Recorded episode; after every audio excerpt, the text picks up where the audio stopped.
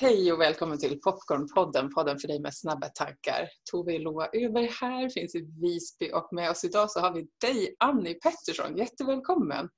Tack så jättemycket. Vad fint! Och du finns på andra sidan vattnet, eller hur? Det stämmer, precis utanför Knivsta. Precis, där sitter du och vi satt precis och funderade på om ljudet håller men jag tror det. Det verkar lovande. Mm. Du Annie, alltså jag är jätteglad att du vill vara med i Popcornpodden. Eh, så fint att du ska få komma hit och dela med dig av viktiga kunskaper på funktionsmedicin. Bland annat. Precis. Det är det som jag jobbar med. Yes, och i grunden, jag vet du att jag googlade lite på dig innan du kom med och det är ju speciellt när man googlar på en barndomsvän. För det är du egentligen i botten. Ja. Så tänkte jag så här, ja, men jag måste ändå kolla lite. Så där. Det är ändå skönt att ha en aning om det professionella mer. Vi har ju pratat om de här temana men så, så söker jag på det så står det så här, molekylärbiolog. Mm. Det i min värld är så himla hardcore för det är så långt ifrån min bransch så att säga. Mm. Mm. Hur kom det sig att du gick den vägen? Det skulle jag ändå vilja börja med. Ja, jag brukar säga ibland till, till de som känner mig nu och har lärt känna mig på senare tid att skulle jag berätta för mina barndomsvänner eller ens gymnasievänner vad jag gör idag så skulle de bli jätteförvånade. För att jag var ju mer inne på den politiska banan. Jag tyckte att det var väldigt spännande med alla typer av, eh, vad ska man säga, eh, alltså sociala vetenskaper. Eh, ja. så att, eh, men jag blev lite trött på det eh, efter ett tag och eh, fick lite av en eh, minilivskris. och, De kan jag mycket om. Trött, ja, tröttnade på, på politiken och vissa vetenskaper som jag upplevde som lite oprecisa, sådär, som antropologi och sådär. Det, det behöver inte vara så men jag, jag, Nej, precis, jag totalvände och eh, läste in eh, läste till naturvetare på ett mm -hmm. program som välkomnade samhällsvetare på universitetet. Så man behövde inte gå komvux eller någonting utan vi bara läste en extra termin eh, och läste in allting. Så att det där vände det för mig och eh, jag blev helt enkelt biolog en ganska stor kontrast i min mm. värld i alla fall. Det är roligt att du liksom har gått båda, båda spåren på något sätt. Ja, precis. Sen tänker jag att det är härligt att vi får ändra oss också. Det här med vad skulle våra barndomskompisar tänka och, ja, vilka resor gör vi på jorden. Det är en ganska spännande eh, process, eller hur? Att vara människa. Ja. Men du är molekylärbiolog och sen så har du också eh, för jag tänker det kan man säkert jobba med olika saker om, inom också. Men funktionsmedicin är det du jobbar mest med idag. Är det mm. sant att säga så? eller? Mm, precis, det, det är det jag gör 100 procent av min tid idag. Um, så att jag um, Vägen dit var väl inte helt självklar. Jag tror att det jobbet som jag har uh, och den rollen som jag har uh, är väl kanske eventuellt unik. Jag vet inte så många andra med min bakgrund som gör exakt det som jag gör um, idag i Sverige. Nej. i alla fall. Eh, så att eh, jag har ju då disputerat på Karolinska institutet på området av medicin. Eh, mm. Med mer specifikt fettcellsmetabolism och, och övervikt och diabetes. Mm. Och under den tiden så hade jag själv en massa hälsoproblem mm. och upptäckte väldigt mycket det här med kost och livsstil och hur det påverkar mina symptom och sådär. Eh, och eh, sen så blir man ju, man nördar ju ner sig och lär sig mer och lär sig mer och lär sig mer. Eh, mm. och, och, så slutade det med att, med min, i och med att jag hade den här förmågan att ta till mig ganska avancerad liksom, medicinsk och biologisk kunskap och forskning och sådär så, så blev det så att jag helt plötsligt satt på en ganska stor kunskapsbank eh, om kroniska sjukdomar av alla typer. Mm. Eh, och sen när jag hade disputerat så kände jag att det här, jag måste hjälpa andra människor.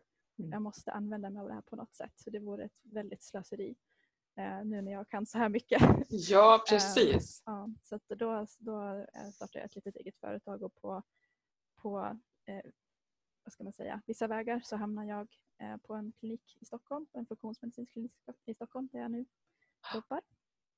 Jätteintressant. Mm. Och jag tänker att det är jag tänkte på det också innan vi skulle spela in idag att det är så fint att du har kommit till en plats, valt att gå till en plats där du kan få ge vidare dina kunskaper och att du mm. också kan vara med här idag och göra det. För jag tänker att jag till exempel personligen skulle behöva, och jag tror inte att jag är ensam om det, om du skulle vilja berätta lite om funktionsmedicin, vad, vad, vad kan man tänka att det är? För jag tror att det är ett sånt där ord som man kan höra idag.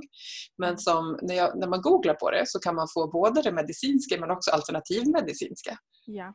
Och, så, så jag tänker att det här är superintressant och för de som har följt podden här vet ju att jag både gillar teori och energi så att säga. Jag är mm. både väldigt mycket i akademi men också okej okay med det alternativa. Men vad är din ingång på funktionsmedicin?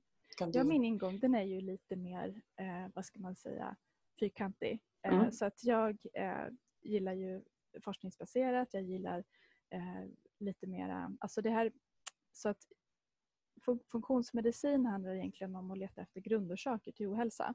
Mm. Och eh, det angränsar ju på visst sätt till de som håller på med det området som kallas för alternativ medicin.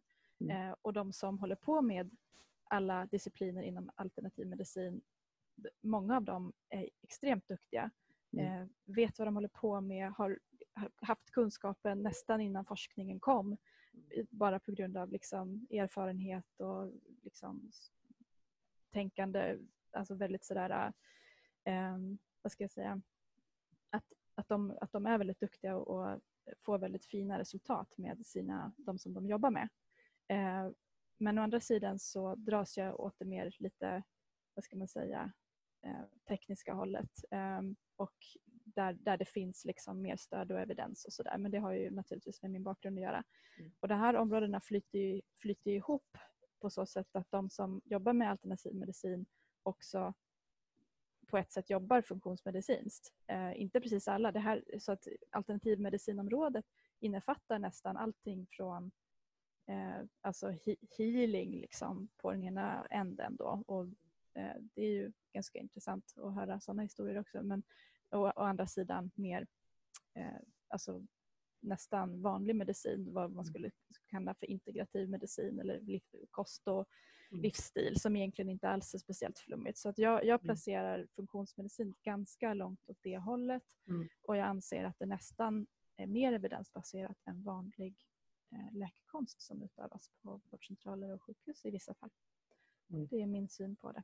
Eh, det ligger längre fram i forskningen. Vi, vi, har, vi följer liksom forskningen, vi använder den senaste forskningen och så där, men det tar mycket längre tid för det att implementeras på vanliga vårdcentraler. Det här är, ju superintressant. Ja, men mm. Tack för att du liksom sätter oss lite på kartan över din ingång och det är mm. superintressant också. Jag har varit inne på det lite tidigare i podden där det här med eh, menar, att en del av det som traditionellt har setts som lite alternativt också idag går att förankra i forskning. Och, och, alltså, så att det är mer det perspektivet. Jag tycker det är jättespännande också precis det du säger där att ja, men här kan vi också se att det inte bara måste vara på, på den ena flanken. Så att säga. Nej. Nej, jag tycker att det är något som jag har lärt mig genom åren och bli väldigt ödmjuk. För att förut så kunde jag vara lite avfärdande mot eh, olika saker men sen så dyker det hela tiden upp Eh, bara en sån som, sak som yoga, det tyckte jag att nej men herregud, vad är det för flum? Eller meditation, vad är det för flum? Mm. Och nu liksom det bara, vi överöses ju med forskning över hur yoga och meditation är liksom bra mm. för oss och man mäter olika eh, medicinska parametrar och ser att de förbättras ena och andra. Så jag har blivit väldigt ödmjuk och avfärdar sällan någonting nu för tiden utan att liksom så rakt av utan jag säger okej okay, men det ska bli spännande att läsa mer och när det kommer forskning och kanske finns det forskning redan nu som jag inte känner till. Och så, så blir, en sund skepticism kanske, man måste ju ja. inte köpa allt med hull och hår heller. Men, eh, men det är ändå spännande och fint också att, eh, att det forskas på allt mm. mer. Mm. Och jag tänker också livsstilsrelaterat. För om jag har förstått det rätt så så kan man tänka så här att det du är inne på nu kan ju till exempel handla om att det inte bara är genetik som styr, eller hur? Utan att mm. det verkligen mycket handlar om till exempel alltifrån sömn, stress till kostnutrition. Mm. Precis. Ehm, att de här tillsammans på något sätt då påverkar vår... Ja, det kan ju låta väldigt obvious men jag tänker att faktum är ju ändå att vi sitter i ett samhälle med enormt eh, stor andel sjukdom. Mm. Ja, så, så är det verkligen. Ehm, så att vi, jag har ju blivit mindre och mindre intresserad av den genetiska delen ehm, för att det liksom, vad forskningen visar mer och mer det är att det, genetiken har en mycket begränsad roll i utvecklingen av sådana här sjukdomar. Det finns vissa genvarianter som ger en ökad risk men Mm. oftast studier som tittar på genetiska bidraget till kroniska sjukdomar de är, de är, eh, de är en stor besvikelse skulle jag säga. Och allt, Mhm. då, då klumpar vi in allting från liksom övervikt till autoimmuna sjukdomar till eh, diabetes och sådär. Mm. Och eh, man, man kan se till exempel att om man har en kombination av ett stort antal genvariationer så kanske det tillsammans ökar din risk för övervikt då med kanske så här ett kilo. alltså det är väldigt, väldigt små effekter. Det är ofta. marginellt. Ja, det är väldigt marginellt och samma sak egentligen med autoimmuna sjukdomar. Och det, det har man nu kommit fram till. Det var ju väldigt, väldigt, när man kunde börja studera gener så var det väldigt hett. Mm. Och eh, man ville hitta genetiska orsaker till allt, reumatism och demens och allt sånt där. Och det finns en liten genetisk komponent hos vissa men den, den överväldigande majoriteten av studier har varit en stor besvikelse. Och det är bra. Där blir jag glad för då betyder det att vi kan göra någonting åt det. Ja, för det är ju nästa följdfråga för jag tänker genetik är ju som den är. Ja.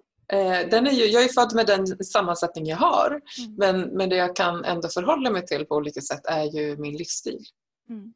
Och där tänker jag att det finns ju mycket av det jag gör idag är förmodligen baserat på forskning som är ganska gammal gissningsvis. Ja. Eh, Så det aktuella då, vad skulle du säga idag om man, om man tittar på vad är det du brinner för idag att ge för ingress till att så här, så här skulle du kunna ta hand om dig själv på ett bra sätt Mm. och förebygga? Ja, eh, det allra viktigaste är ju att få eh, de här grundläggande sakerna på plats. Så att man till exempel har eh, alltså den psykosociala miljön, naturligtvis superviktig. Eh, hur, man, ja, men hur man har det med sina medmänniskor. Mm. Är man ensam? Är man utfryst? Mobbad? Har man en eh, förfärlig chef? Stressar man ihjäl sig? Eh, alla de här sakerna är ju så, så viktiga. Mm. Eh, och då framförallt för psykiska hälsan men också för den då fysiska hälsan. Så det kan vi ju se effekter på blodsockerreglering och allt möjligt. Mm. Inflammation, inflammation i kroppen och sådär. Mm. Så att det är ju det är verkligen, verkligen viktigt. Och sen, men det är också svårt att väga alla mot varandra. För lika viktigt är ju hur man äter, lika viktigt är att man rör på sig, lika viktigt är hur man sover Mm. eh, och sådana saker. Eh, Mm. Så det, det är lite svårt att göra någon sorts pyramid. Däremot så alla tillsammans, eh, om man sköter man, har man möjlighet att sköta de grundläggande faktorerna så har man en mycket större resiliens mot Mm. både psykiska och eh, fysiska sjukdomar. När du delar om det här så får jag mera bilden av en, som ett cirkeldiagram. Eh, där det är som olika tårtbitar som blir en, en viktig sammansättning snarare än pyramiden. Som Mm. du säger. Ja. Att de här på något sätt tillsammans, eller en sån här eh, bild av en blomma som går ihop i mitten, att hälsa i mitten och att man integrerar alla de här Mm. delarna. Det är mer Precis. den... Exakt, det finns något som kallas för hjul. Jag vet inte om det är hälsohjul eller livshjul. Men man skulle kunna likna det vid det, att om alla, om alla delar är bra nog så är hjulet runt. Men saknas några delar så blir det liksom taggigt och snurrar inte så bra. Lite punka. Ja, Liksom. det blir lite punka precis. Ja, precis. Det är också intressant vad som är psyk... Alltså, ibland kan jag fundera över det här med psykisk och fysisk eh, sjukdom också, kategoriseringen av det. För jag tänker så här, vi pratar om depression till exempel som en psykisk ehm, eh, jag menar, en nedsättning eller ett sjukdomstillstånd. Men det är ju också i allra högsta grad en fysisk, ett fysiskt tillstånd. Mm.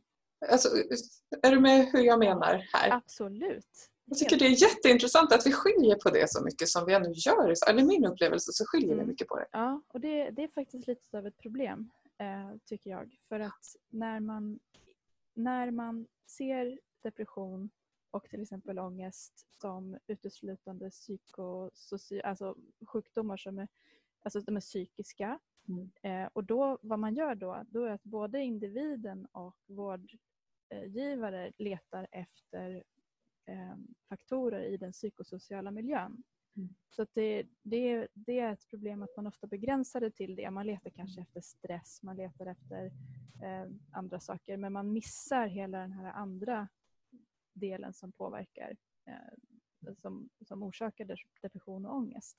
Mm. Så att jag tycker det kan vara väldigt synd. Vi får ju väldigt många klienter till oss där man helt enkelt har eh, ja, men man, oavsett egentligen symptom och svårighetsgrad så drar man slutsatsen att patienten har stressat sig till sin sjukdom och så får de eh, antidepressiva läkemedel och eh, kanske lite sömnmedel för att sova och sådär. Eh, mm. Så att, och ofta så hittar vi någonting helt annat när vi börjar gräva. Eh, så att det, jag tycker det är synd att det är många som lider i onödan faktiskt. Mm. Och vad är det man då skulle kunna hitta istället?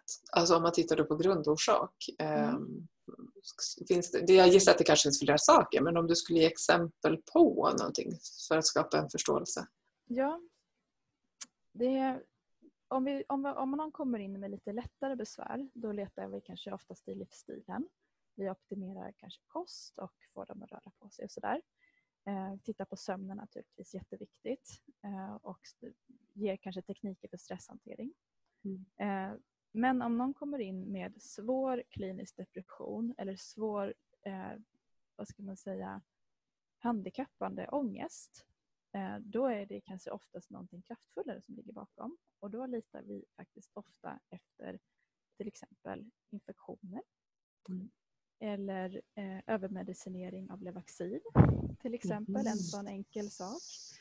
Mm. Eh, det här tillåter det mig att sväva ut lite här och prata ja, lite om det här. För det här herregud ja. Jätte, jätte, det här får allt, allt får plats, kör! Mm.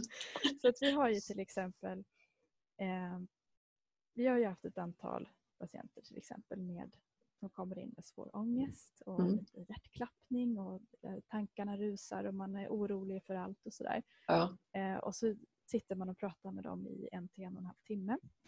Och sen så kommer man fram till att vet du vad, har du provat att sänka din Levaxin-medicinering lite grann? Kan du diskutera det med din läkare eller kan du diskutera det med en av våra läkare? Se ja om det kan vara en möjlighet. Och så gör de det och så försvinner deras svåra ångest som de har lidit av i flera år. Oj, eh, mm. Ja, alltså det, det, kan vara så enkelt ibland.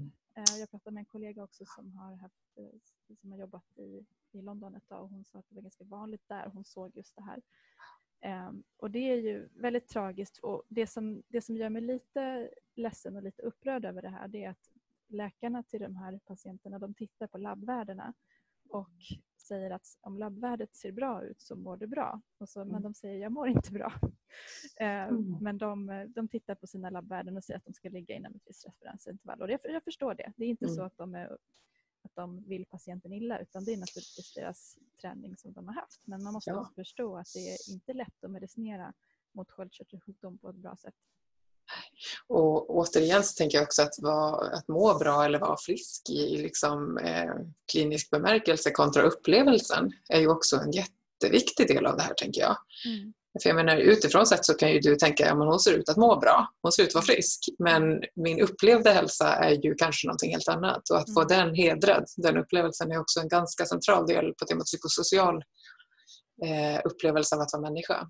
Det är det eh. verkligen. Vi, det är många som blir lite misstrodda i vården tyvärr. Mm. Eh, och det har väl att göra med att många är stressade och läkare är stressade och inte hinner och Ja, ja, och frågan är också om kompetensen. Jag minns ett samtal du hade någon gång där att hur mycket hinner man ta till sig av ny forskning också. Mm. Nu ska vi inte, jag menar inte sitta här och säga att man inte någonsin gör det, eller så men jag kan tänka att det finns en utmaning. Jag kan gå till mig själv i mitt socionomarbete. Hur mycket forskning läser jag om socialt arbete? Ja, det är ganska marginellt ärligt talat. Mm.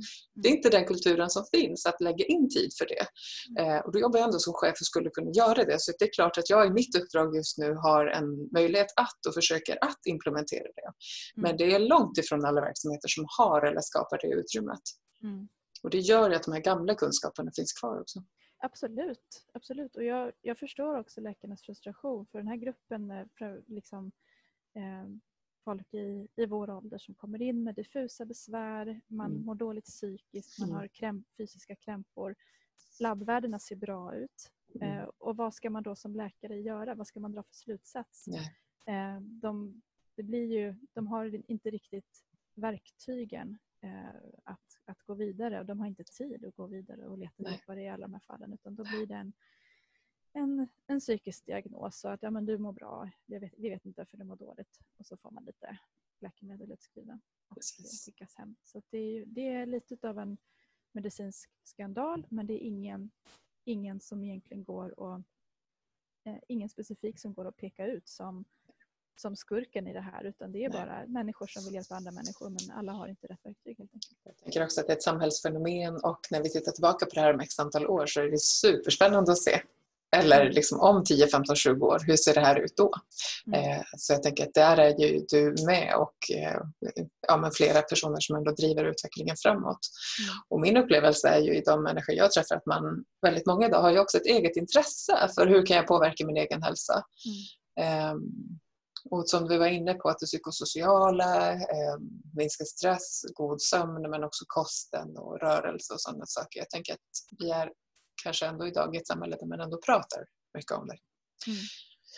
Men eh, kost är jag nyfiken på. Kan vi stanna till lite där? För det är också ett helt fält. Det är förmodligen ungefär fyra poddavsnitt ja, det, bara på det. Det, ja. det är det helt klart. Eh, jag ska försöka koka ner det för jag, jag gillar att göra det så att man, så att man förstår lite grann övergripande hur, hur jag tänker och hur vi tänker. Ja, men precis. Um, kosten är så som vi äter i, idag i många västerländska länder. Inte alla men många så äter vi en någorlunda proinflammatorisk kost. Vi äter ganska mycket som människan inte mår så bra av att äta. Det är inte mm. bara det att det är mycket socker och att det är processat utan det är också enligt mig så innehåller det även ganska mycket livsmedel som vi egentligen inte är så väl anpassade för att ta upp näring ur. Ehm, jag måste få bara dra en parallell till, till fågelhälsa. Så att man mm. har ju sagt nu att slu, sluta mata fåglarna med bröd. De får näringsbrister. Mm -hmm. De mhm. får sådana näringsbrister att de får problem med eh, sina vingar och inte kan flyga. De utvecklas mm. inte som de ska. så, där. så att jag mm. har hört det på lite olika ställen. Bland annat i P1 så var det någon som tog upp det. Eh, mm. någon expert. Och det så är det lite grann med människor också. Mm. Vi tål ganska mycket. Vi, vi tål att äta en hel del skräpmat och socker innan vi blir sjuka. Men så som många äter idag så skulle jag vilja säga att många äter säkert 80 procent 80 eh, procent av deras kost kanske består av saker som vi egentligen inte mår så bra av. Så då kan det vara till exempel stora mängder vete, mm. stora mängder socker, stora mängder mjölkprodukter mm. eh, och eh, stora mängder spannmål överlag. Eh, och mm. stora mängder processad mat. Eh, så att i, och kanske ol, oljor som vi kanske inte är så gjorda för att äta. Så, också. Mm. så de här sakerna i små mängder utgör inte ett problem för de flesta. Men när man äter, när större delen av kosten består av det, då, Precis. då blir det stora mängder inflammation. Och som i sin tur ger både fysisk och psykisk ohälsa. Ja, så man har ju sett att om man kollar till exempel på depression så är ju det en inflammatorisk sjukdom. Mm det, oavsett egentligen om den är orsakad av psykosociala faktorer eller om den är orsakad av mer fysiologiska faktorer som till exempel inflammation från kosten eller inflammation från infektion så är inflammation inblandat. Och man kan inducera klinisk depression hos människor liksom genom att eh, öka inflammation hos dem. Så vissa läkemedel som ökar inflammation, till exempel interferonbehandling, ger depression som biverkning. Och Jätteintressant. ja, bara genom att injiceras eh, LPS, någonting som heter lipopolysackarider från bakterier, så kan man också orsaka klinisk depression hos köksdjur. Mm. Sådär, så det är otrolig direktkoppling. Otroligt intressant. Och jag, tänker, eh, jag ska återkomma till kosten, men min hjärna måste bara få ställa frågan också på temat inflammatoriska sjukdomar eller tillstånd. Eh, eh, har jag förstått rätt om också faktiskt demenssjukdomar hör till ja, men den typen av sjukdomar som försämras av inflammation eller som faktiskt är till på grund av. Förstår du min fråga? Helt jag... klart, i, i allra ja. högsta grad. I allra okay. högsta grad. Mm. Så det är ju, jag följer Alzheimerforskningen med mycket noga. Och ja. Det som kommer ut nu eh, det är ju den otroligt starka kopplingen till tarmhälsa, mm. inflammation, livsstil och infektioner. Mm. Så det är jättespännande. Om man bara stannar till en smula här vid statistiken innan vi backar till kosten så tänker jag så här, häromdagen läste jag statistik från Socialstyrelsen att 40 procent av sjukskrivningarna i Sverige idag handlar om depression och utmattning. Mm. Mm. Och 20 till 25 000 personer i Sverige bara årligen insjuknar i demenssjukdom. Mm. Och demenssjukdom är ingenting man vill ha kan jag säga. Det är inte en härlig sjukdom, det är, eller sjukdomar, det är ju många olika. Och då tänker jag att det är så intressant och viktigt det vi är inne på nu. Att tänk att det är så faktiskt, att vi kan minimera och, och eh, få leva mycket, mycket mer i kontakt med hälsa om vi tar hand om oss själva. Och ändå är det svårt. Jag sitter själv och tänker när du säger så här, vetemjöl, socker, jag bara oh no! vad blir kvar av svensk husmanskost? Så, Ja. så det är ju ganska... Så rovor. Ja, men precis. Men så, om, man, om man backar så här, okej, om, vi, om vi försöker skifta så här från ät inte det här, nej, men vad ska vi äta? Om du skulle säga så här, men det här vet jag att de flesta skulle må ganska bra av. Mm. Kan man vända till det? Ja, det kan jag sammanfatta eh, ganska väl. Så det är Mm. så här saker som, som om man pratar med någon för 15 000 år sedan som de skulle känna igen som mat. Så det är ju kött, Ja. fisk, skaldjur, grönsaker, frukt, nyttiga fetter, bär, nötter, ägg. Så det är en ganska stor grupp med livsmedel. Och det är goda grejer, Ja, tänker jag. så det, går, det är ju... Ingen av oss lever perfekt, inte heller vi som är funktionsmedicinare. Men vi ser ju det som ett sätt att liksom tipping the balance. Alltså Mhm. att man försöker till, till vi, alltså vi, vi måste också leva. Jag, ibland dricker jag Cola Zero, ibland eh, tar jag, dricker jag öl och vin. Mm. Eh, och det händer, alltså jag, jag kan stoppa i mig saker som man inte bör göra. Men jag gör det ganska sällan för att jag Mm. vet hur jag mår Mm. efteråt. Eh, Mm. Men, men jag, jag har en tydligare koppling kanske än, än andra. Du har kanske vant dig nu när du har Mm. levt på det sättet ett tag, eller? Ja, det har jag gjort. Det, Mm. absolut, det började, det började med att jag upptäckte hur väl jag mådde när jag uteslöt eh, socker och kolhydrater. Mm. Och sen så har det liksom utvecklats därifrån. Men jag, jag skulle inte säga att jag upplever mig själv att jag, lev, att jag eh, har en, en restriktiv kost. Nästan var som helst kan jag hitta någonting att äta. Mm. Och sen så gäller det för mig hur jag äter 90% av tiden och inte precis hela tiden. Nej, precis. att, eh, och det där är individuellt naturligtvis. Men, eh, Men om man nu skulle... ehm, eh, jag ska skriva ner det här också nu för er som lyssnar på podden så ni kan få det svart på vitt i ingressen till de här eh, förslagen du ger nu på vad man kan välja att äta. Mm. Ehm, Men då tänker jag så här, märks det direkt då eller tar det tid för kroppen att läka? Hur lång tid? vissa så Ja. kan det ta några dagar. Det, Dagar verkligen? Ja, dagar. Det, det är helt otroligt hur snabbt inflammationen kan gå ner. För att det är också så här, jag vill bara sammanfatta också det här med kost. Det handlar ju inte bara om att vissa, eh, vissa livsmedel är proinflammatoriska och sådär. Det handlar förstås också om näringstäthet. Mm. Eh, att de här livsmedlen som jag nämnde, de är mycket, mycket näringstätare än det som de flesta äter idag. Är, så att det är verkligen eh, det är viktigt att man tillför näringsämnen som man behöver. Mm. Eh, och sen så handlar det också om vilken påverkan kosten har på tarmfloran.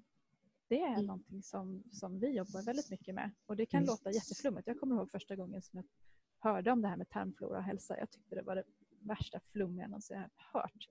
Det är klart att vad, vad har det för koppling? Och så, så nu, nu Det är ganska Är det många det? meter tarmar tänker jag också i kroppen. ja, det. Om man tittar på det så så kan man ju tänka att det är lite logiskt att det skulle ha någon form av påverkan. Exakt. Och nu Ja. så sitter, nu, alltså det är ju så mycket forskning som kommer ut. Jag prenumererar på medicinsk forskning och det är ju varje dag någonting om tarmfloran. Det är så spännande. Mm. Och ehm, det, så hur vi äter påverkar också det. Så äter man till exempel stora mängder socker, stora mängder spannmål så får det effekter på tarmfloran som vi kanske inte vill ha. Mm. Eh, och vi vill kanske göda dem med lite mer liksom, grönsaker och sådana typer av fiber. Precis. Så eh, Jätteintressant. Ja. Mm. Och det är väl i eh, mag-tarmsystem, säger jag som har läst det typ i någon superlätt light-artikel, men det är också jättemycket därav eh, sådana här substanser som serotonin som påverkar välmående och sådär Mm. faktiskt skapas. Visst är det så? Absolut. Så, så 95 procent av serotoninet som vi har i kroppen tillverkas i tarmkanalen. Ja. Eh, däremot så, så är det lite okänt så vitt jag känner till hur mycket av det som når centrala nervsystemet. Men däremot Okej. så är det effekten på det lokala enteriska nervsystemet i tarmen är extremt viktig för välmåendet i stort. Så det finns ju nerver som går direkt från tarmen rakt upp i hjärnan. Och man har sett att det som händer i tarmen händer i hjärnan. Det som händer i hjärnan händer i tarmen. Så att man, får man till exempel eh, en inflammation i tarmen så kan man se eh, också att det påverkar hjärnan. Vissa mikroorganismer får nästan som en highway och transporteras direkt där, därifrån och upp till, till hjärnan. Eh, så att man i vissa fall till och med kan hitta förekomst av tarmbakterier i hjärnan. Eh, och vissa virusinfektioner också naturligtvis. Men det viktigaste är liksom så att tarmmiljön eh, är super, superviktig. Och det finns något som kallas för tarmpermeabilitet, eller det finns lite olika ord. Ett populärt ord är läckande tarm. Mm. Eh, och eh, det kan låta lite flummigt men det är faktiskt högst påtagligt och vetenskapligt. Mm. Och man har sett att en läckande tarm ger också en läckande blod-hjärnbarriär. Och mm. den vill man inte ska läcka för då börjar det läcka över saker som inte ska in i hjärnan.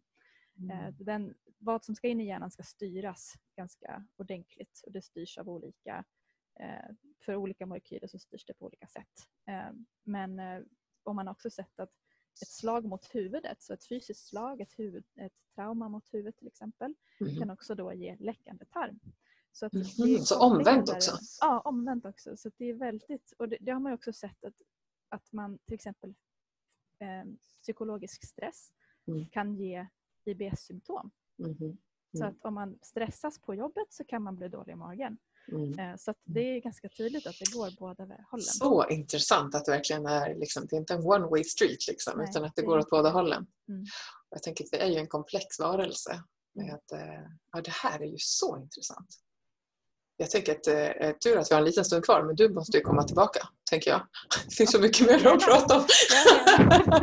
jag bara sitter här och tänker vad ska jag välja fråga? Nej, men det är jätteintressant eh, på så många nivåer. Men du, jag tänkte också, när vi tog kontakt och jag skulle vilja eh, passa på faktiskt att fråga, för avsnittet innan det här så har jag ju då eh, fått eh, det fina fina i att intervjua Lotta Borg Skoglund som har skrivit en bok om flickor och kvinnor med ADHD. Mm. Och ingressen till den här podden är också Snabba tankar. Du har varit inne lite på det. Eh, mm. också att, att man kan eh, i ångest till exempel eh, uppleva att det bara rusar på tankar och att man inte riktigt kan sortera eller pausa så att säga. Mm. Eh, för mig är ingressen Snabba tankar också relaterat till eh, ja, men just det neuropsykiatriska på liksom att eh, det är mycket intryck, kanske svårt att avgränsa. Och sådär. Mm. Um, jag tänker att det kan ju absolut ha grunder i det vi har pratat om nu. Men finns det något särskilt där som man ser i, i forskning? Att om man till exempel tänker NPF-diagnos eller kost eller finns det något mer än det vi har pratat om eller är det samma? Eh, jag är lite osäker på om jag förstod frågan rätt. Mm, jag eh. förstår det på tal om snabba tankar. Det är så här det går till. Vet du. Det är exakt det här som händer. Det är skitroligt. Tack! Du, det, var, det var en väldigt spännande utsvävning. Kan du trycka ner det till en mening? Eh, om personer som lyssnar på den här podden eh, eller som jag själv eh, som kan relatera till snabba tankar och eh, till exempel ADHD eller ångest. Finns det någonting som du kan rekommendera extra noga, extra riktat till personer som har svårt med eh, att reglera sinnesintryck eller eh, lugna systemet? Mm. Absolut. Är, är, du med mig på ja, den frågan? Absolut. Jag skulle säga så här, nu ska inte jag försöka här, göra reklam för min egen bransch eller så, men det absolut klokaste för någon som, har, som lider av något sånt där, det är att prata med någon som är en riktigt duktig detektiv. Så att det, generella råd är jättesvårt att ge för att mm. alla är så individuella. Mm. Det tar oftast, jag, när jag träffar klienter så första gången så är det oftast 90 minuter. Och då sitter jag och ställer frågor och frågor och frågor och frågor och frågor på material som de redan har skickat in. Så de har redan skickat in ett jätteomfattande mm. frågeformulär och först därefter så brukar jag få en bild av vilken väg vi ska gå. Eh, men man kan ju också vara sin egen detektiv naturligtvis eh, om, man, om man tycker att man kan mycket. Men jag skulle säga generellt sett eh, för om man lider av ADHD och eller snabba tankar, inte kan sortera sinnesuttryck och sådär.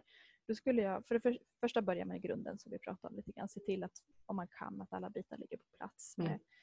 Eh, med sömn och sådär. Eh, men så skulle jag också titta mer på, på tarmfloran. Kanske göra ett litet tarmfloratest och se, eller gärna ett omfattande tarmfloratest och, och ta hjälp och tolka det. För det kan, just tarmfloran är extra starkt kopplad till just eh, ADHD mm. och också andra diagnoser där man har kanske svårt att sortera intryck och då tänker jag också på så här kroniskt trötthetssyndrom och sådär. Mm. Mm. Att man, eh, och de också som, som, som eh, har HSP, alltså att man har sån här känns, vad ska man säga, hypersensitiv personlighet. Och det, kan också vara, det överlappar ju väldigt mycket alla de här. Absolut. Det är väl lite beroende på vilken kultur man är i och pratar om också saker mm. så kan jag tänka att man kan relatera till precis alla de rubrikerna. Mm. Mm. Och också kost och se till att man får tillräckligt med de här näringsämnena som behövs för lugnande signalsubstanser i hjärnan så att man, man får sitt tryptofan och man får man har, äter B6 och zink och magnesium och sådana grejer så att man kan, verkligen kan tillverka lugnande signalsubstanser som GABA och serotonin. Och När du säger tryptofan och B12, vad, då tänker jag nötter. Det, ja. Eller vad får man, vad får man tag i det då? Tryptofan, eh, B6 brukar vara en hel del nötter och B12 är mer är nästan uteslutande animaliska källor, så kött och sånt där. Okay. Mm. Eh, och eh, eh, tryptofan är en aminosyra som man får från olika typer av eh, proteinkällor. Okay. Mm. Eh, så att, att, man liksom, vissa tar ju tillskott med de här sakerna naturligtvis. Mm. mm. Eh.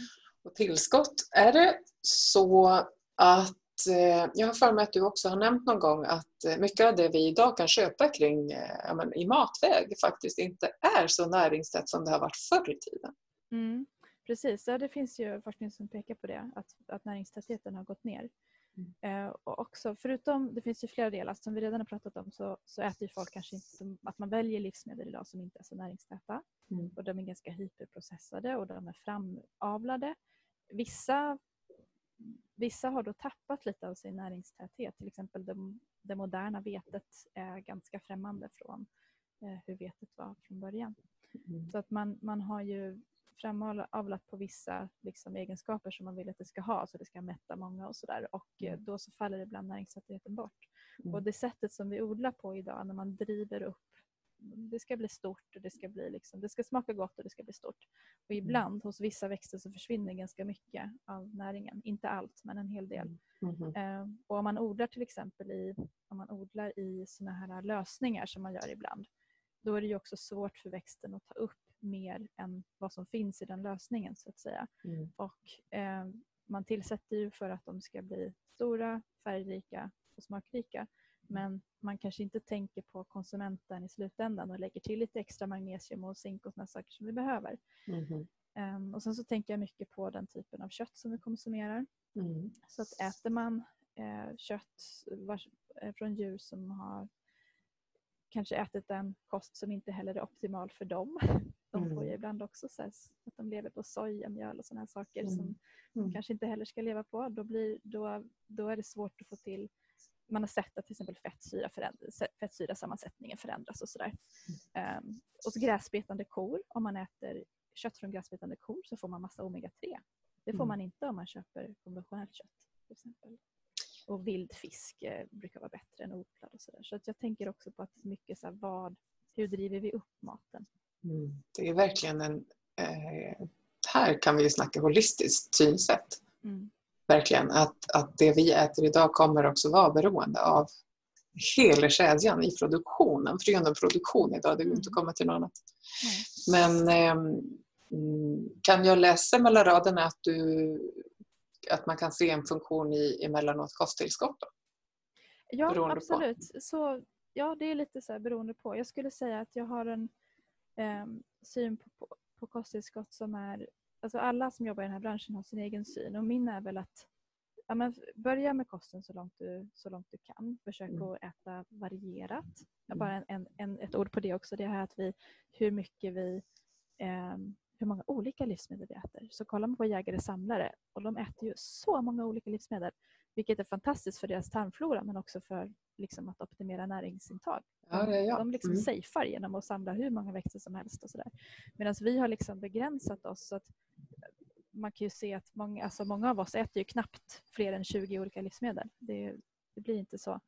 Eh, och då har man också Spännande. naturligtvis en ja. där. Så för att försöka liksom bredda sitt intag, eh, prova nya saker. Eh, men också att ehm, eh, nu, ska vi se, nu tappade jag bort mig lite grann. Eh, vad, var vad var det som var din fråga innan jag började svamla bort? Gud, jag bara är så mycket i nuet att jag nästan har svårt att hitta frågan själv. Kosttillskott är vi inne på. Ja, ja. ja, ja. Eh, jag tycker också så här, problemet med kosttillskott det är ju att många lägger väldigt mycket pengar på tillskott som kanske inte gör någon skillnad för just dem. Mm. Och det betyder egentligen inte att, eh, att det är så um, att det är dåliga tillskott. Det, mm. kan vara, det kan vara väldigt bra. Men jag är väldigt mycket ett fan av att verkligen så prata med någon som kan innan man börjar ta. Och mm. titta istället för att... För många som är kroniskt sjuka, de, de, de eh, läser mycket på nätet och sådär och så, så finns det, så läser man om det kosttillskottet och så köper man det och så läser man om det och så köper man det. Och det är extremt vanligt. Eh, och så har man lagt, vips har man lagt ut 20 000 kronor på kosttillskott och så har man det som kallas för supplement graveyard hemma i sitt eh, Det finns ett begrepp för det alltså? Jajamensan.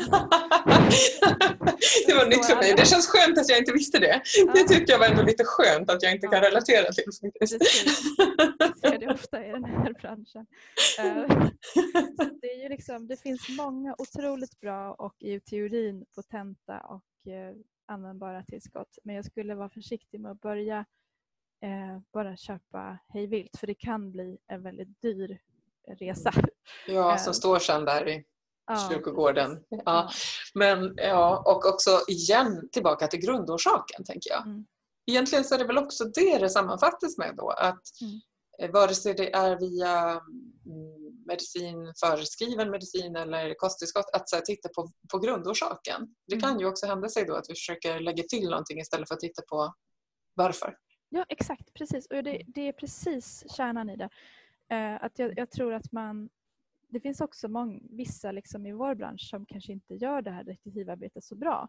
Mm. Utan man säger, ja men alltså, man, är, man har snöat in på en viss grej. Till mm. exempel det kan vara att alla måste äta stora mängder D-vitamin eller alla måste äta jättemycket magnesium och det kommer lösa allas problem. Eh, och, då, och det är inte heller, även om det liksom angränsar till funktionsmedicin så är det inte ett äkta detektivarbete som vi behöver göra. Mm. Eh, så att det, och de vill ju också naturligtvis väl och, och ser att det funkar med vissa men det funkar inte med alla. Jag tycker att det är bättre att, att försöka leta från början och titta. Um, och liksom se vad, vad kan man göra för den här individen och vad är, vad är smartast att börja med? Lite så här mm. strategitänk. Liksom. Mm. Precis, och jag tänker att det är liksom på något sätt när jag lyssnar idag och, och eh, försöker sortera så tänker jag att det är ju just det här att, att för generella råd kanske inte är så hjälpsamma. Att vi har olika grundsättning, absolut till viss del genetik, men vi har också jättemycket som vi eh, har individuell koppling till beroende på säkert också då livserfarenheter. För jag tänker att du var inne på det psykosociala till exempel mm. och olika trauman kanske eller sånt som har påverkat mm. oss och också då kopplat till hur har vi eh, lärt oss att äta sedan barndom också kan mm. jag fundera på när jag lyssnar. För Frågan är hur många av oss som ens vet vad som skulle vara vår, vårt max av mående eftersom vi, de allra flesta av oss, har varit uppvuxna med den typen av kost som du kanske inte riktigt säger är optimal för oss. Mm. Det kan ju betyda att väldigt många av oss aldrig har fått uppleva optimal hälsa. Mm. Jo, jag, jag har precis... Du, du sätter verkligen huvudet på spiken och jag, jag känner så väl eh, igen mig själv i det där för att jag trodde ju också att jag mådde bra tills jag fick mina... Eh, liksom jag fick, jag fick eh, en kronisk sjukdom med, med smärta i kroppen. Mm. Och tills jag fick den så trodde jag att jag mådde bra. Mm. Men idag så tittar jag på den symptomlistan som jag hade då, även när jag ansåg mig må bra. Den var ju jättelång. Eh, och jag förstod inte att det inte var normalt. Nej. Så att jag kunde ha liksom, så här, allting från så här, nervkänningar till ångest, till svåra sömnproblem, till eh, hudgrejer, twitchings eh, och eh, tarmproblem och allt möjligt. Och framförallt eh, också till exempel saker som att jag ställde mig upp och det svartnade för mina ögon. Mm. Det tyckte jag var normalt. Så fick jag liksom stå där en stund tills det försvann. Alltså att man inte ens funderar på att det här kanske inte är normalt. Eh, jättekonstiga symptom och det ser vi hela tiden. Mm. Jag ser det med, van, med vanliga eh, liksom bekanta som jag pratar med och sådär att man, man har en massa symptom som man tänker att det är helt normalt och man vet kanske inte hur man skulle kunna må ifall man försökte mm. göra någonting åt det. Så det är mm. också på ett sätt lite synd för många lider i onödan. Mm. Och det här tycker jag är en så här, det är Nobelprisnivå på den här. Hur löser man det? För jag tänker att människan är ju också en enormt kraftfull varelse i att normalisera även svåra saker. Mm. Vi kan ju skapa normalitet på i princip vad som helst. Ja. Eh, på gott och ont. och det här tänker jag är ett exempel på det. Och jag kan själv relatera precis som du säger också. Eh, och det här med psykisk hälsa eller fysisk hälsa, om vi nu integrerar dem till hälsa i stort. Så det är också sånt där som är över ganska lång tid alltså att det kan smyga sig på saker som vi mm. plötsligt sen inte vet liksom, när, ja, men vad är normalt nu då? Att det Ja, är förhandlingsbart. Exakt, och det där är speciellt vanligt med trötthet i Mhm.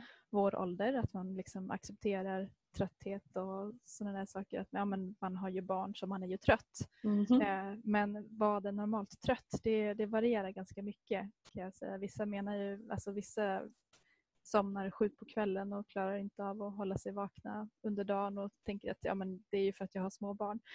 Så man hittar Mm. förklaringar. Mm. Liksom. Eh, Och det är väl också helt mänskligt att vilja hitta förklaringen och vi förklarar väl saker med de referensramar vi har. Mm. Och det är därför jag tänker att det här samtalet och de typerna av samtal som du kan eh, eh, jag bjuder in till med din kompetens gör ju någonting. För mig gör det i alla fall någonting. Att jag kan, även om jag har en ganska lång bit kvar till exempel kring kost eller liksom att välja nog lite smartare och mer än de där 20 livsmedlen ska ärligt sägas, så kan jag ändå tänka att de samtal vi har haft inspirerar mig till att eh, lyfta blicken lite grann. Mm. Eh, och jag tänker att det behöver vi nog göra allihop lite mer. Mm. I alla fall många. Ja, jag tror det också. Eh, Det finns ju som sagt som jag nämnde i början en tendens till om man liksom har ja, men psykiska problem eller, eller någon, någon typ av man upplever att man har liksom stresskänslig eller snabba tankar och tycker att det är jobbigt eller sådär. Att man let, letar mest i psykosociala miljön hela tiden. Vad, vad har hänt? Man letar, i, man letar i det förflutna, man letar i, i idag och sådär. Och det kan mycket väl vara så att den största orsaken ligger där. Det är, det är vi jätte väl medvetna om som jobbar så här men det kan också vara någonting annat som ibland är ganska enkelt att fixa. Ibland är det svårt, ibland är det enkelt. Och jag tänker att ibland så är det kanske både och. Mm. Det kan ju vara så att vi har ganska trassliga saker med oss i ryggan. Mm. Det är ju många av oss som har det. Ehm, Men jag kan ju ändå också parallellt med det ha en riktigt risig tarmflora och Mm. en påverkan på grund av det i hjärnpåverkan liksom, påverkan också. Så jag tänker att någonstans så kanske det ena inte måste utesluta det andra. Nej, absolut inte. Alltså det ser vi Ehm. jätteofta. Helt klart, så är det Mm. verkligen. Och en, en faktor kan ju öka känsligheten att man utvecklar en annan så att säga. Ja. Att man Omvänt också, ja, och omvänt också om jag, om jag tar exemplet om jag nu har eh, sorger, trauman med mig i, bakåt i tiden så kanske jag ändå kan få en högre och starkare kapacitet att möta det med mera motståndskraft om jag är mer i balans i mitt eh, immunförsvar till exempel. Ehm, Så är det helt klart. Det, det föreläste vi faktiskt på lite ganska nyligen det här med ah, eh, stresskänslighet till exempel och resiliens. Eh, så det, det är precis alltså att det här om man har om man stärker det kroppsliga Mm. så får man en större motståndskraft mot stress och också alltså, traumatiska händelser bak i tiden. Så att, he, precis, så precis i intressant. Det, ja, Ja. det är det verkligen. Men Gud, vi är ju väldigt så här, Ja. väl medvetna att vissa av oss som kommer till oss har ju, har ju gått igenom svåra trauman och sådär. Mm. Ehm, och då kanske man har utvecklats till och med posttraumatiskt stressyndrom Mhm. eller en stresskänslighet som har följt Mm. en genom hela livet. Mm. Så att vi har ju liksom erbjuder lite traumaterapi terapi på den kliniken jag jobbar på. Och sådär. Ehm, men också att jag ibland kan säga till någon att du kanske behöver träffa någon specialist som kan Mm. jobba med det. För det finns ju Mm. olika tekniker om man har PTSD. Att man kan, det finns olika tekniker, inte bara samtalsterapi utan andra Nej. saker också som man kan jobba med. Precis, det finns fantastiskt mycket. Och nu i coronatider vet jag att man försöker, i alla fall här där jag bor på Gotland, så vet jag att man gör en plan för att faktiskt ta emot ännu fler Mm. eh, patienter med. PTSD-symptom. Eh, just utifrån att det här är en, en, menar, en risktid för att eh, uppleva så pass mycket stressorer att du inte har resurser för dem. Mm. Eh, och, att då, kunna, och då pratar man mycket EMDR, sån här eh, eh, ögonrörelseterapi. Precis, Mm. exakt. Det har jag Jätteintressant. tipsat några om Ja. faktiskt. Och jag har faktiskt själv erfarenhet av en PTSD-terapi med skrivande som har god Ah. evidens. Jätteintressant, väldigt, väldigt mjuk form också Ja. eh, av eh, traumaterapi faktiskt. Eh, jättefint, jag kan rekommendera. Så att jag tänker, och för er som lyssnar, för jag tänker att det här är mycket vanligare än man tror. Jag tror att trauma och PTSD är gravt underförstått faktiskt som fenomen. Mm. Jag tänker att för mig PTSD, då tänkte jag krigsfångar, typ Mm. krigsveteraner och sen ser man Mm. så här, nej, nej, nej. så, så mycket mer. Mm. Eh, man kan ju till och med, liksom, eller till och med, men, men alltifrån uppväxttrauma kan också ge PTSD-symptom. Eh, så att eh, man måste inte ha varit eh, långväga soldat för att kvala in på den diagnosen. Nej, nej, verkligen inte. Och det har vi verkligen fått. Eh, vi har en eh, terapeut på vår klinik som heter Louise Tjärnqvist som har hamrat in det här i Ah. oss andra. Hon är väldigt så, så hon håller på att utbilda sig Oj, i vad en spännande. eh, teknik som heter Trauma Release Exercise. Ja, Intressant. jättefint. Det är den som Mm. sammanfattar tre, eller hur? Ja, det är det Ja. precis. Mm. Det där är spännande. Mm, det är det. Mm. Det Där känner jag igen prata från- med henne om. Ja, det skulle jag faktiskt gärna göra. Kan vi, kan vi kolla på om det blir en sequel på det här? Eh, Jag tror, jag vet inte om det är samma, men jag vet att i tantran så pratar man också om en, eh, eh, en övning som heter Just Tree. Jag tror faktiskt att de har lite gränssnitt. Det är jätteintressant. Det där skulle jag gärna prata mer om. Mm. Tantran är ju också handlar ju- läkning. Mm. Ja, precis. Det handlar ju liksom om att man har fått en, ett överreaktivt nervsystem Mm. av alla de här jobbiga upplevelserna som man varit med om. Och att man då Mm. liksom med, med kanske så här kombination samtalsterapi och någonting, någonting fysiskt eller no, no, någonting liksom får, lugn, får nervsystemet att lugna ner sig så att Just man kan ha en fungerande vardag.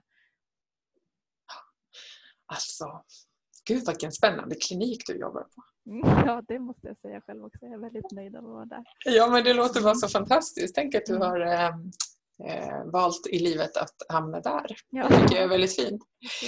Alltså, vet du att det känns jättesvårt att bryta. Eh, men jag tror att vi måste göra det snart. För jag vet att du också ska iväg på andra äventyr idag Mm. och eh, jag tänker att ni som lyssnar eh, säkert har fått med er mycket. Och jag skulle vilja rekommendera er som lyssnar att jättegärna nu när det är färskt skriva ner några frågor. För det vore fint om det är så att du Annie vill komma tillbaka någon gång så kan man ju följa upp eventuella frågor som har eh, kommit tillbaka. Sen tror jag också att du är aktuell i annan podcast här i närtid, eller hur? Är det Eh, officiellt? Den har kommit ut redan. Ja. Vill du tipsa? Ja, eh, jättegärna. Så att vi, jag och några andra från vårt team är med i Food Pharmacys podcast. Eh, och jag tror avsnittet heter Optimera, eh, Optimera din hälsa. Tror jag det. Mm. Jättefint. kom ut för två veckor sedan tror jag. Ja, men vad perfekt, för då kan ni ju fortsätta att lyssna där också. Jag kände mig nästan lite starstruck över eh, ditt hopp från Food Pharmacy-podden till denna popcornpodd av Celeberproduktion. Här får ju jag stå i rampljuset. ja, och det får du och jag är så tacksam att du har varit med och eh, ja, många spännande teman. Jag hoppas att ni som har lyssnat har kunnat hänga med för eh, på temat snabba tankar så, så kan jag ju bidra till att byta eh, spår ibland. Men Annie, är det någonting du skulle vilja liksom, passa på att säga innan vi eh, packar ihop till exempel vart hittar man dig om man vill eh, följa ditt arbete? Är du öppen Ja. för att dela det? Precis, vill man komma i kontakt med mig så kan man höra av sig till till exempel till den klinik där jag jobbar. Så att nordicclinic.se kan man gå in och så skriva till dem så kan du komma i kontakt med mig. Mm. Ehm, Jättefint. Ja, precis. Ja, men det, här var jättespännande och vilka bra frågor. Jättebra frågor som du ställde. Och du har en sån spännande överblick över hela området. Och, eh, ja. Tack för att du säger. Ja, intresse finns det gott om. Eh, sen så går jag bara på känn. Men jag, jag tycker att det är verkligen intressant det du är inne på och har så mycket eh, på riktigt kunskap om. Det jag gör är någon form av så här hobbyparaply. Liksom. Men eh, så fint att få djupna lite och eh, jättevälkommen tillbaka om du skulle vara öppen för det längre fram. Det är jag absolut. Jättefint. Annie, då tackar jag dig jättemycket för att du var med idag. Eh, och så ska jag tipsa dig som har lyssnat idag att höra av dig till Popcornpodden på eh, popcornpodden.gmail.com eller via Insta Facebook på poddens kanaler där. Och eh, önskar er alla en fin fredag. Ha det gott. Tack.